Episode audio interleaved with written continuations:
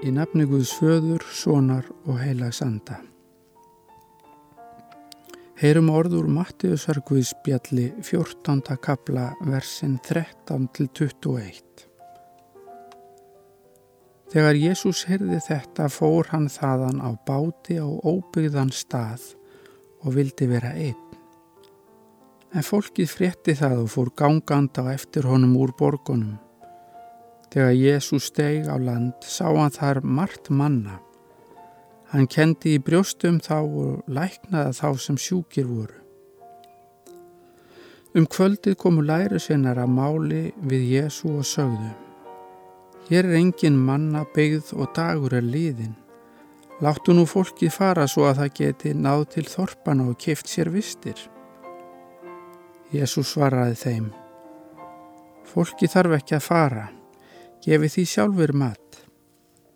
Þeir svara honum, við höfum ekki nema fimm brauð og tvo fiska. Hann segir, færi mér það hingað. Og hann bauð fólkinu að setjast í grasið. Þá tók hann brauðin fimm og fiskana tvo, leit upp til himins, þakkaði Guði, brauð brauðin og gaf lærisveinunum en þeir fólkinu. En allir neittu og urðu mettir. Og þeir tóku saman bröðbitana er afgengu tólf körfur fullar.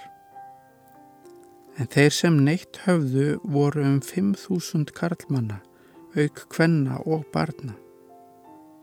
Við skulum byggja.